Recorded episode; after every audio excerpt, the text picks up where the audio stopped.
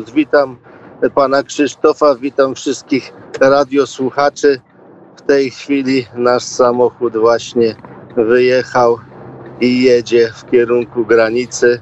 Z tego co wiem, w tą stronę nie ma problemu z przekroczeniem granicy, a z powrotem zobaczymy, jak się sytuacja ułoży.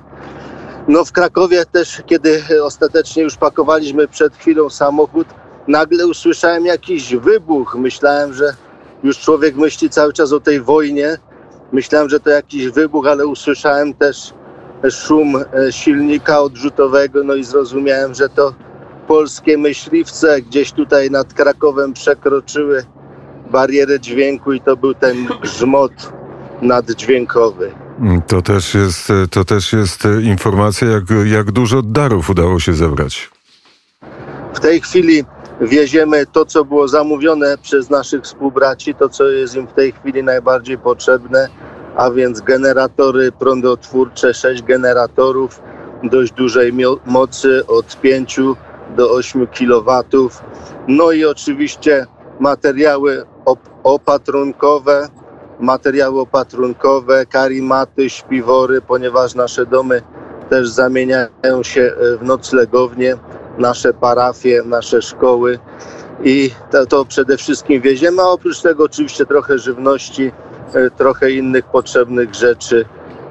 To wszystko, co zamówili współbraci, a to jest jeden z samochodów, bo inny samochód też już będzie jechał na Ukrainę z księdzem staruszkiem, który już ma ponad 70 lat, był w Polsce, pracuje na Ukrainie. Ksiądz Bogusz też będzie wracał na Ukrainę i z drugim samochodem też napakowanym potrzebnymi materiałami jedzie. Oprócz tego oczywiście też wieziemy pieniądze, bo te pieniądze też tam są potrzebne w życiu codziennym, żeby zapewnić tą pomoc, którą niosą Salezjanie dla naszych braci i sióstr na Ukrainie.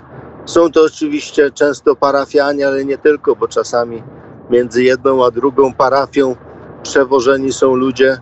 Jeden z księży, ksiądz Józek Nuckowski, kursuje właściwie codziennie busami między Żytomierzem a właśnie Bibrką, to jest w powiecie lwowskim, dostarcza ich pod granicę i wraca z powrotem do Żytomierza, gdzie jest szkoła salezjańska i tam też ludzie w tej szkole, w podziemiach tej szkoły szukają schronienia. Ale Ojciec nie zapomniał, ojciec Roman Sikoń, że o 15 mamy koronkę do Bożego Miłosierdzia. Tak, oczywiście. Modlitwa jest najważniejsza. Pokonamy te siły ciemności dzięki łasce Bożej, dzięki też świętemu Michałowi Archaniołowi, który jest patronem Ukrainy. Nie bez przyczyny, bo jest to przecież ten Archanioł, który pokonuje szatana, strąca go do piekła.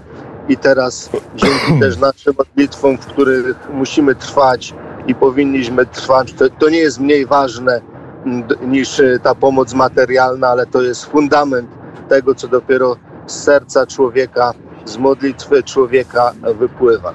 Bardzo serdecznie dziękujemy ojca Romana Sikonia. Usłyszymy o godzinie 15, a teraz jest godzina... Ja jeszcze, ja jeszcze chcę podziękować panu Krzysztofowi